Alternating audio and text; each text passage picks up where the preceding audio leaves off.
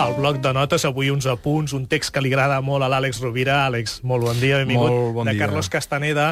Castaneda va ser citat fa unes setmanes a l'ofici per Sí, la senyor. psicòloga Marta Centelles parlant de la importància personal, no? La importància, dèiem, no, no som tan importants, cadascun de nosaltres, no? En el sentit, evidentment, som únics, som importantíssims com a persones, som valuosíssims, però això és una cosa, i l'altra és la importància personal. Exactament.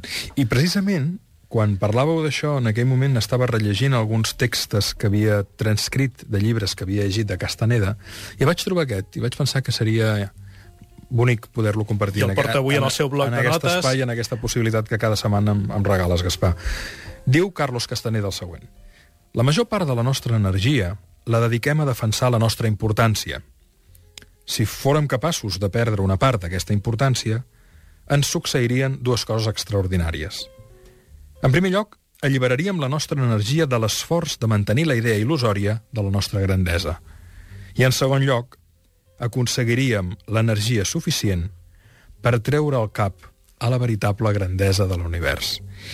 I, penso, llegint aquest text, de nou en la humilitat com a vacuna contra tota sobredosi d'ego. De vegades l'ego ens és molt útil necessari, sobretot per defensar la nostra dignitat, fins i tot, no?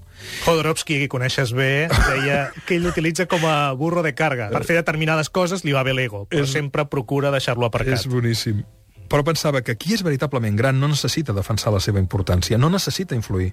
Simplement es deixa ser en pau, no intenta demostrar, sinó que mostra, no intenta vèncer, sinó que convenç amb el seu propi exemple, no intenta forçar, sinó que ofereix, no fa servir la manipulació ni la seducció com un recurs, sinó que s'expressa simple i bellament. No dona consells si no li demanen. Per això, jo crec que tot ens, ens ha passat, Gaspar, quan trobem un ésser humà així, ens sentim en pau i regenerats en el seu contacte i presència, perquè quan algú, diguéssim, amaga bastant l'ego o no té un ego que defensar, el nostre propi ego, per ressonància emocional, es relaxa, s'oblida de si i feliçment ens deixa en paus. És aleshores quan ens obrim a l'epifania, al miracle, a la bellesa de la senzillesa i allò que és veritablement humà, a la vida. Un arbre ben bonic o una flor ben bonica no es pensen a si mateixos, no es recreen en el seu ego, per exemple, no? Això ho resumeix molt bé l'amic Claudio Naranjo quan diu cal deixar-se en pau. Àlex Rovira, al seu blog de notes, més textos i més informació al seu web, alexrovira.com, també al seu mur de Facebook. Àlex, moltes gràcies. Moltes Fins gràcies diumenge, que tinguis molt bona setmana. Gràcies, Gaspar.